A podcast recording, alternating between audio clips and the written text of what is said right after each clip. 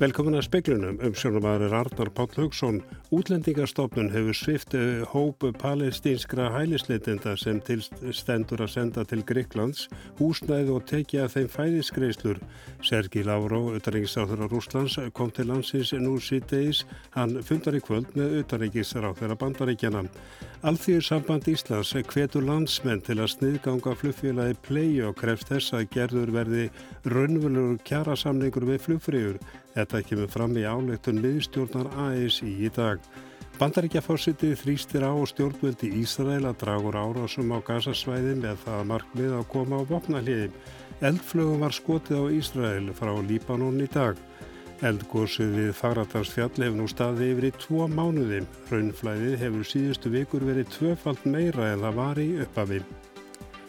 Sergei Lavrov, utanrikiðsráþur á Rúslands, kom til landsins síðdeis. Hann sækir ráþur að fundu Norðurskvölds ráðsins og ætlar meðal annars að eiga fund með Katrinu Jakobsdóttur fórsættistráþur að Íslands. Mesta spennan ríkir þó um fund hans og Antoni Blinken Utaríkisráþur að bandaríkjana í kvöld en samskipti stórveldana hafa verið ákvæmlega styrða undanförnum. Útlendingarstofnun hefur sviftu hópa palestinskra hælisleitenda sem tilstendur að endursenda til Greiklands, húsnæði og tekja af þeim fæðis greiðslur Menninni neituð að undurgangast COVID-pró en það er fórsenda þess að hægt sé að senda þá á landi. Kona sem skoti hefur skjólshúsi yfir hlutahófsins segir aðgerir stjórnvalda ómannúlegar. Þetta er nýjumannahópur sem í raun er á götunni. Þrýr úr hópnum dvelja heima hjá Marju Lilju Þrastardóttur Kemp og fjölskyldu hennar. Okkur fannst að þegar stjórnvöld ganga svona yfir mörg og velsamis og, og, og mannúðar þá, þá þurfum við bara sem almenningur að bregðast við og því að við viljum auðvitað ekki að sér gert í okkar nafni. Hún segir að það felist stopnan og ofbeldi því að neyta mönnunum um vernd á grundvelli uppruna. Þá séu þessir menn í sérstaklega veikri stöðu vegna stríðsátaka í heimalandi þeirra. Lögmenn mannanna telja útlendingastofnun með ákvörðun sinni hafa farið á sveg við reglugerðum útlendinga þar sem kemur fram að stofnunin eigi að veita skjólstæðingum sínum þjónustu uns ákvörðun um að þeir yfirgefi landið kemur til framkandar. Fréttastofu skilsta flestir ef ekki allir í hópnum hafi fengið húsaskjól. Marja segist ekki geta hýst alla í þessari stöðu en að mennir þrýr fái áfram að dvelja undir hennar þakki. Ég ekki geta dvelja á gutunni þannig að við, hérna, við viljum bara hafa hér ópið hús fyrir, fyrir þá og meðan eh, þarf. Sagði Marja Lilja Þrastadóttir Kemp Arnildur Haldanadóttir talaði við hana. Alþví samband Íslands krefst þess að flugfélagi plei gangi til kjara vera en að við raunurlegt stjættarfélag flugfreyja og flugþjóna á Íslandi við flugfreyjufélag Íslands. Þetta kemur fram í álettun miðstjórnar ASI í dag. Þar kemur líka fram að ASI ætlist til þess að samtöku atunlýsins beiti sér fyrir því að gerðu verði raunverlu kjara samningur eins og það er orðað í álettunni. Alþjóðsambandi hvetur landsmenn til að sniðganga félagi þar til það hefur sínt að það ætli að vera hlut af íslensku vinnumarkaði og bjóða starfsfólki sínu kaup og kjör sem gilda hér á landi. Jáframt hvetur ASI, lífverðisjóðu og aðra fjárfesta að sniðganga félagið. Í álegtunum miðstjórnar ASI segir að flugfélagi plei ætli að bjóða lægri flugfagrgjöldu með því að greiða starfsfólki sínu lægri laun en þekkist á íslensku vinnumarkaði. Samningurinn sem skilað var til ríkisáttasemira sé óundirritaður og ekki sé ljóstið hvernig hann sé til komin. Þó sé ljóst að hann hafi verið gerður áður en byrja var að ráða flugfreyjur til starfa. Hérastómur Reykjavíkur dæmdi manni í gært í til tveggja hálsás fangilsis við starf fyrir nöðgun. Upplýsingar úr heilsu forreiti konar reyndust mikilvægar við laust málsins. Augustandu Fatanje var sakveldur fyrir að nöðga konu sem gat ekki varis sögum ölfunar og svepturunga. Þau hittust í miðbæ Reykjavíkur þar sem konan hafði verið með öðru fólki en var viðskila við það. Hún vaknaði klæðilítil í ókunnuri íbúð í Reykjavík næsta morgun, fór á neyðarmótöku fyrir þólendur kinnferðisbrota og kærði brotið. Konan myndi lítið eftir atvikum en er rannsók lögröglu á ýmsum gögnum varpaði ljós á ferðir hennar og hvaða mann hún hafði verið í samskiptum við um kvöldið. Sá var handtekinn en neytaði að hafa hitt konuna þar til honu voru síndar myndir úr eftirleitsmyndavélum. Þá neytaði hann að hafa átt nokkur kinnferðisleg samskipti við konuna en sagði enn síðar að hún hefði haft munmög við sig en aldrei farið upp í íbúð hans. Upplýsingar úr helsu forriti sem konan var með grófundan frásögn mannsins síndu að þau hefða öllum líkendum ferðast með bíl ólíkt frambyrð mannsins og farið upp í íbúð hans þrátt fyrir neitun mannsins. Konan þótti trúverðug en hvorki frambyrður Ógustan nýja skýringar hans á breytum frambyrði þótti stöðug. Þá síndu lífsíni að hann hefði haft mög við konuna sem lísti því að hafa vaknað stuttastund við það að maðurinn væri að nöðka sér. Brynjólur Þór Guðmursson saði frá. Djó bætin er bandaríkja fórsiti þrýst í dag á Ísraels menn að hætta loftárásum á Gaza svæði og semjum vopnallið palestinumenn. Eldflögum var skoti á Ísrael í dag frá Líbanon. Árásinni var svarað með fallbissu skotrið. Í tilkynningu sem Hvítahúsið sendi frá sér í dag segir að Joe Biden fórseti hafi rætt við Benjamin Netanyahu þeirra í síma og þrýst á hann að draga úr árásum á Gaza í dag með það í huga að semja fljóttum vopnallið. Haft var eftir Netanyahu eftir símtalið að Ísraelsmenn kynnuð að meta stuðningsbandaríkjamanna en þrýstungur fórsetans breyti engu. Árásum er því framhaldið þar til markmiðið þeirra er því náð að tryggja öryggi almennra borgara í Ísrael. Þrýstingur vext stöðut á Joe Biden meðal demokrata á bandarækja þingi að láta meira til sín taka til að stöðva hernaðar aðgerðirnar fyrir botni miðjararhafs. Bernie Sanders hyggst í dag leggja fram álíktun, stutta af þingmennunum Elizabeth Warren og Chris Van Hollen. Þar er þess krafist að líst verði yfir vopnallíi þegar í stað, alþjóðalög verði virt og mannrittindi tryggð á báða bóga. Fjórum eldflögum var skotið í dag frá Líbanon yfir til Ísraels. Loftvarnakerfi Ísraels manna grandaði einni og þrjár lendu í óbyggðum. Árásinni var svarað með fallbísu skotrið. Þetta er þriðja sinn á innan við viku sem eldflögum er skotið frá suður hluta Líbanons yfir til Ísraels. Áskir Tómasson saði frá. Í dag hefur eldgósið við Fagradalsfjall staði yfir í tvo mánuði. Síðustu tvær vikur hefur hraunflæðið verið tvöfalt meira en að var að meðaltali fyrstu sex vikurnar. Magnús Stummi Guðmursson, professor í jarðeðlisfræði, segir óvinnlegt að hraunflæðið aukist svo mjög með tímánum. Þetta gós hefur hefðað sér mörguleiti öðruvísi en flest gós sem við höfum séð. Ehm, það byrjaði rólega, er svo sem ekki mjög órólegt núna en það er núna tvöfald stærra heldur það var í upphafi. Og uh, það má ég segja að það hefur verið þrjú tímabil í góðsinu, fyrstu tvær vikundar þá var þetta svona fekkar stöðut og, aðeins minkandi vika var. Síðan kom annar tímabil þess að við vissum ekki alveg hvað það ætlaði að vera og voru að hoppa milli búið sér til nýja gíga í svona tvær vikur. Og svo hefur það síðustu fimm vikundar, uh, það er þriða tímabilið, þá hefur góðsið e, á þessum eina gík sem nú er allsáðandi.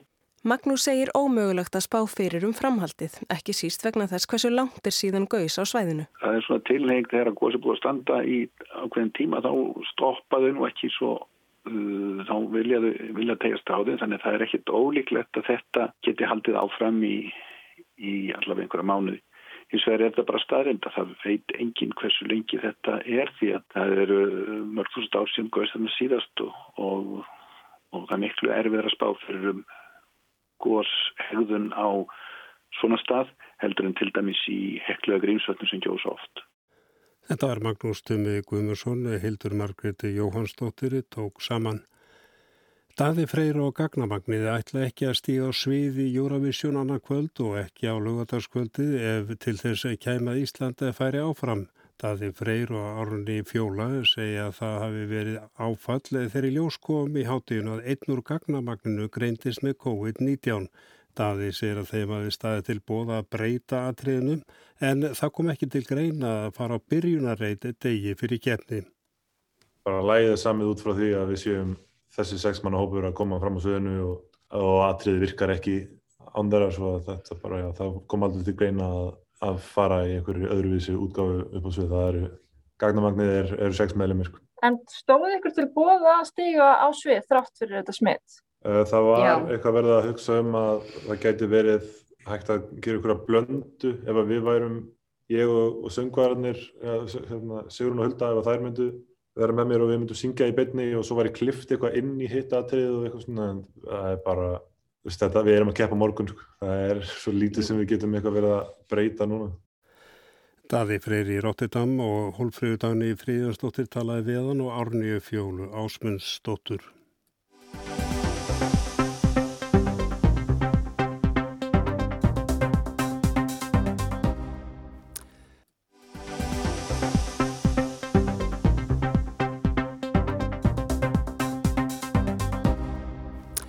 Það þarf að slaka á fastegnamarkaðunum sem ber merki ofsa að mati Áskeis Jónssonar að selabankastjóra. Peningastefnu nefnda bankans ákvæði morgun að hækka stýrivextum 0,25%.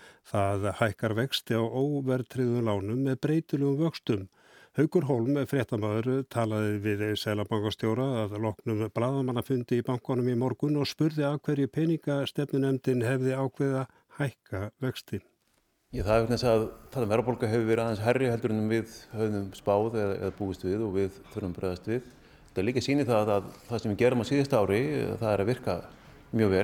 Við tókum vextin í 0,75 punta og það er að örfa kerfið eh, mjög, mjög mikið og við bara ákvaðum aðeins að reyna að tempra þetta aðeins með því að hækka vextin 25 punta. Hver verða áhrif, eða vonist þið til að verða áhrif að þessari hækkun?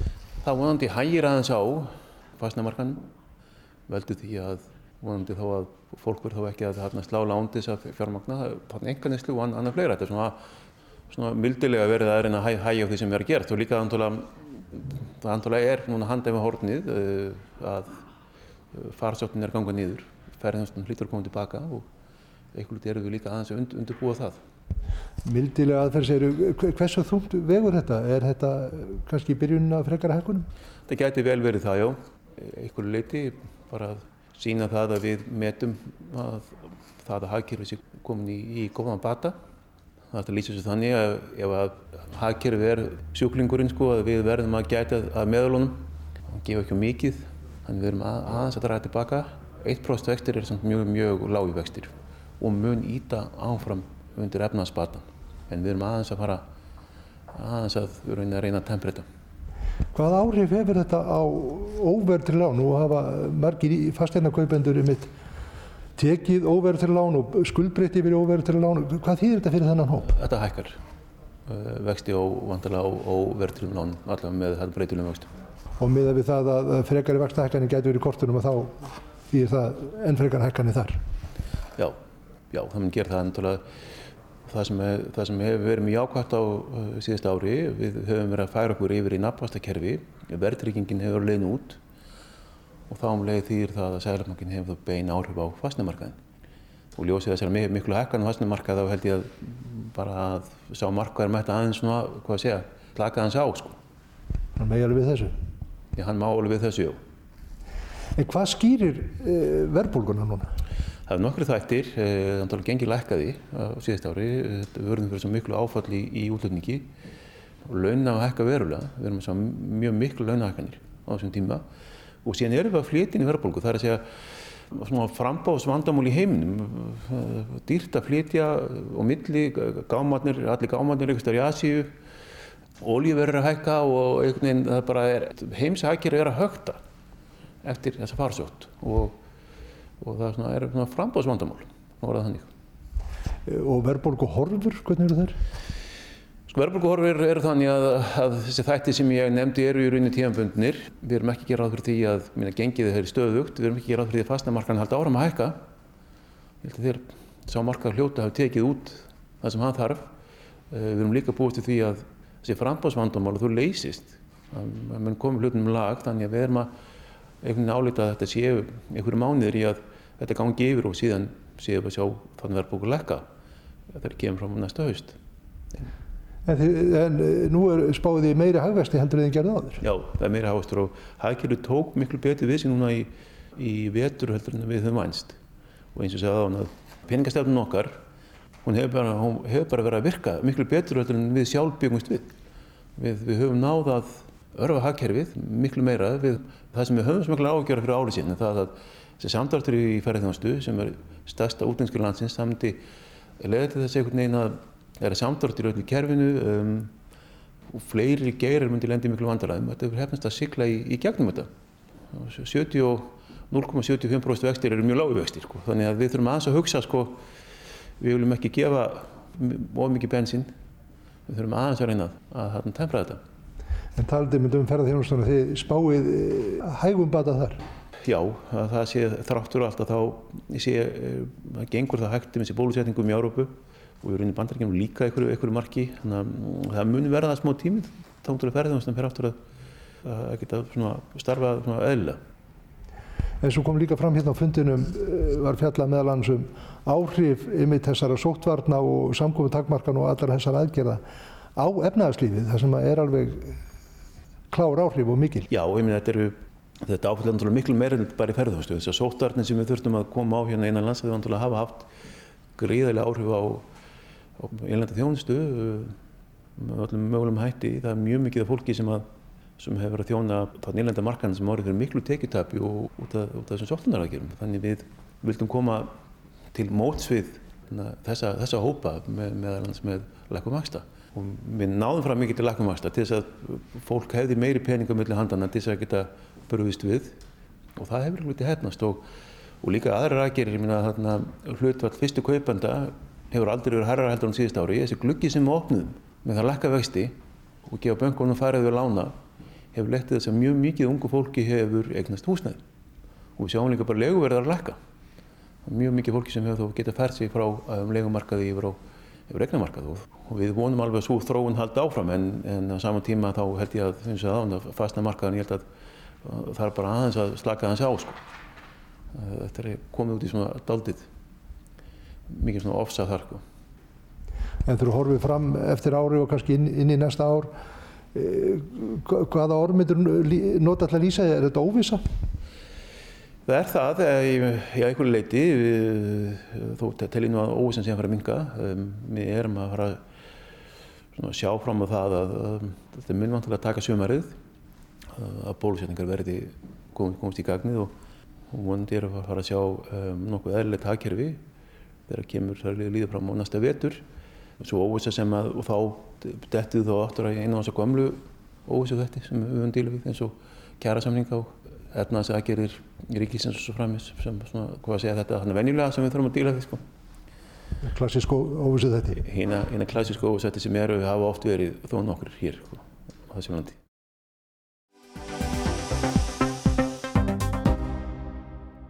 Formaður náttúruvendarsamtaka Íslands vonar að á ráþærafundi Norðurskauts rásins á morgun verið tekin ákvarðunum að bannað verði að nota svartóli á norðurslóðum. Hann bindur vonur við að Ísland stuðla því að í ráþæra áleiktun fundarins verði kapli um svartóliu bann.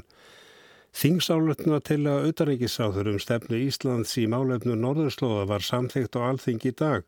55 þingmennu greitu atkvæði með tilugunni og átta voru fjárstatir. Hún var unnin af þverrpolítískri þingmannanemnd. Í henn er meðal annars lögð áherslu á að dreyja verðu notkunni jarð elsneitis á norðurslóðum og að skip hætti að nota svartóljum. Árni Finnsson, formaður Náttúruvendarsamtaka Íslands, sendi utanrikismála nefnd alþingis bref á mánudaginn þar sem hann hvetur alþingi til að samþykja brunu og flutningur svartólju verði bannaður höf fyrsta. En hvers er íslensk þingsálutna til að megnu? Og þið er kannski fyrst og næst að Ísland um, sínur á spilin og segir við viljum banna svartólju.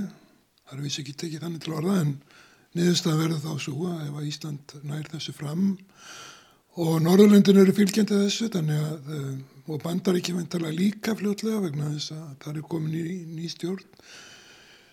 Þetta er, þetta er ákveðnar afstæð heldur hefur verið hjá Íslandi og skýrari og, og skipti miklu máli núna til að fara í reyni en að funda morgun ráður að funda Norðurskjöldsríkjana vegna þess að um, við erum að vona og ég held að Ísland stöðla því að í ráðráðlöktuninu verði kapli um svartolju sem að kalla eftir því að bruni á svartolju verði bannaður á Norðurslóðum. Það skipti gríðarlega miklu máli fyrir lofslæðið ef að skrúa fyrir losununa frá þessum skipum sem að brenna svartolju og lótsa greiðarlega mikið magna sóti sem svo sest á ís og jökla og, og þannig dregur úr endurkíslun sólar þannig hítinn fer meir inn í þetta og hraðabránunni Það myndi, ef þetta verði bannan, þá myndi það sko senka, draga úr lofslagsárhörun hann á Norðurslöðum um kannski gefa okkur 20 ára lengri frest og það skipti gríðarlega miklu máli.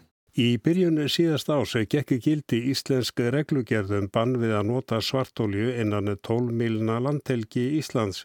Brennisteins innihald svartóljunar má ekki vera yfir 0,1%. Leifilegt brennisteins innihald var almennt um 3,5% en það verið lækkað niður í 1% á alþjóða vísum. Sótagnir ógna umhverfinu og jöklum á norðurslóðum frá 2015 til 19 jógsta magn sótagna frá siglingum á norðurslóðum um 72% frá skipum sem brendu svartólju. Árni sér að vandamáli sé að umferð skipa sem nota svartóli séu aukast og í því felist líka slísahætta. Verði slís, þá er alveg vonlust að hreinsætt upp í sjónum og við getum bara að hugsa okkar að eitt stórt skemmtifæraskip hér norðan við land fær að leka og svartunlega lekur í sjóin þá myndi það valda gríðarlega skada og, og vonlust að hreinsa og bara líka skada fyrir okkar orðspór sem fiskveðitjóð. Þannig að á allan hátt er þetta fyrir Ísland, fyrir Noreg, fyrir Grænland. Þá er þetta gríðalt hagsmálmála og Kanada, bandaríkin að sko, koma í veg fyrir þessar siglingar haldi áfram með sortólíu. Það á bara að nota hreitna elsniti og helst náttúrulega skipt yfir í elsniti sem ekki veldur losun gróðursaloftegunda. Alþjóða siglingamálastofnunin samþykti reyndar í haustu tillugum að svartóli erði bönnuð frá árnu 2024. Árni sér að margar undanþáur séu frá bannunu allt fram til ásins 2029. Það þýða fram til þess tíma munir losun sóts á norðurslóðum einungi sem yngum með 5%.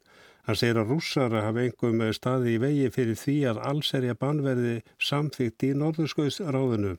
Mjög mikilvægt sé að á fundi Norðurskauðsrásins ég er í Reykjavík en nái samstafum að banna notkunu svartólju alfarið.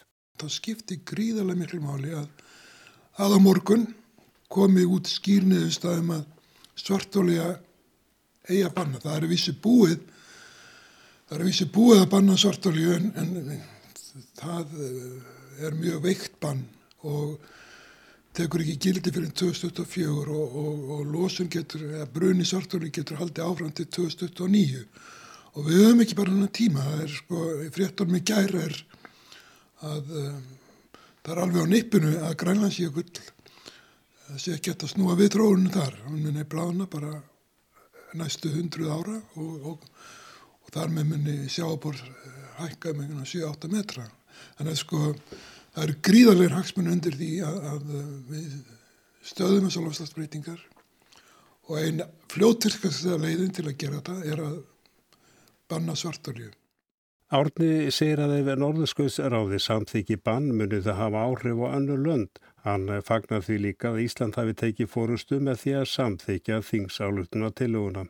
Og það er mjög ánægilegt að Ísland skulle hafa tekið þessa fórustu bæði með því að hafa skipu nefnd af auðvitaðriksræðara um þetta mál, um stefnu Íslands í norðurslagamálum og það var þörr politísk nefnd, allir flokkar voru í henni og hún kemst að þessari niðurstu líka, það er að stöða bruna svartálju og svo hefur umhverjast auðvitaðriksræðara lagt þessa þingsalutinu til að fram, þannig að stefna ríkistöðunum er mjög skýr fyrir þennan fund. Það er, mikið, það er mjög ánægilegt, það, sko, maður verður gladur í hjartanu við það Íslands stjórnvöld eru í fórastu.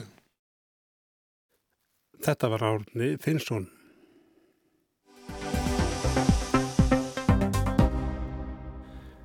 Norðmenn ætla ekki að afklæpa væða minni skamt af eitulifjum. Erna Solberg, fórsættisraðra, lendi minnilhuta með frumvarsitt í stórþinginum.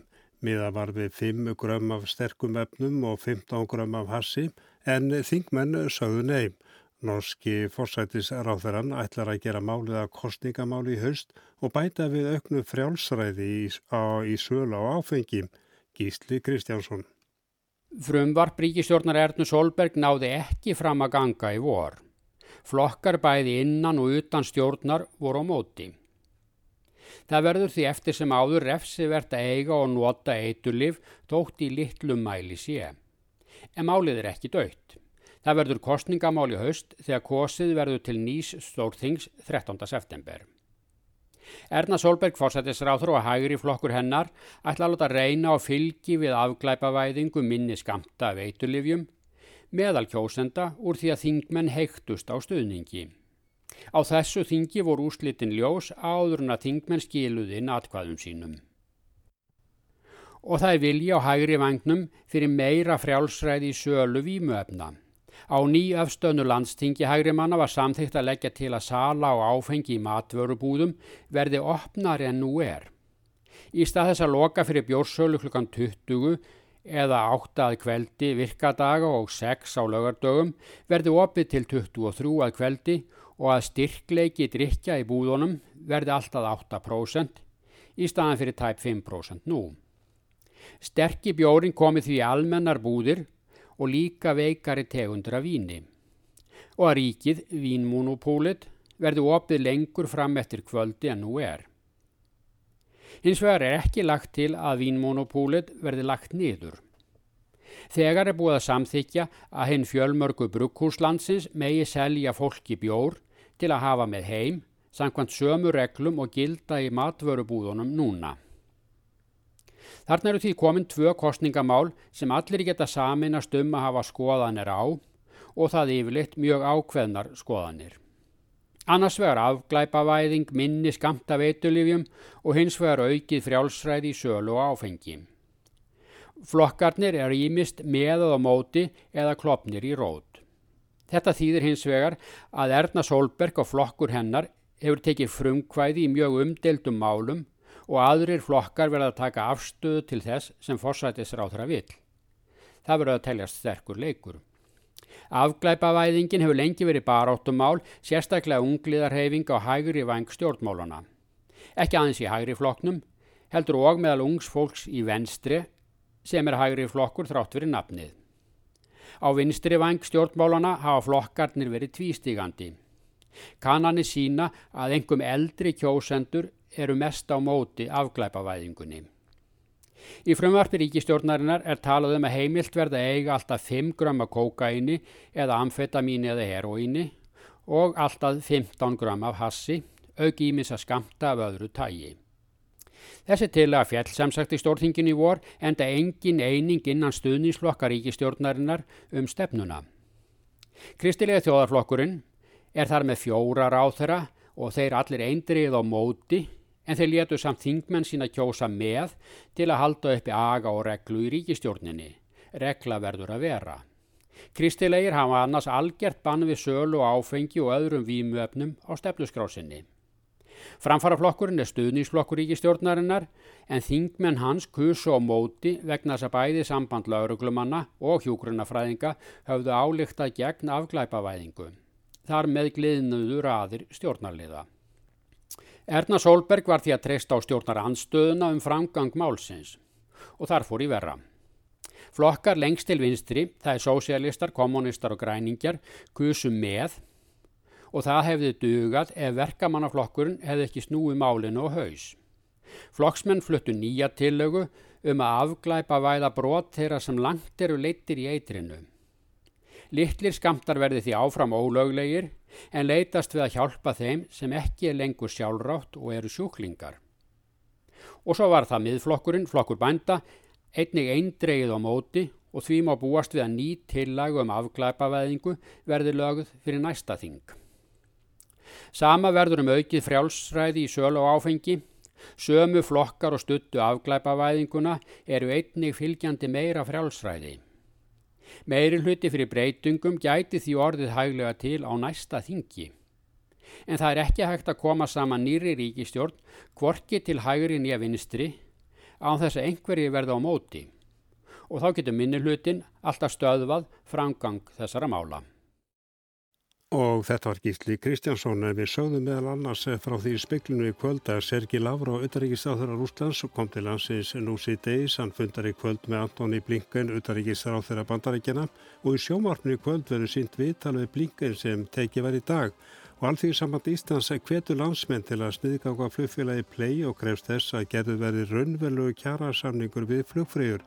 En það er ekki fleira í speiklunni kvöld, tæknumöður var Markus Hjaldarsson verið í sæl.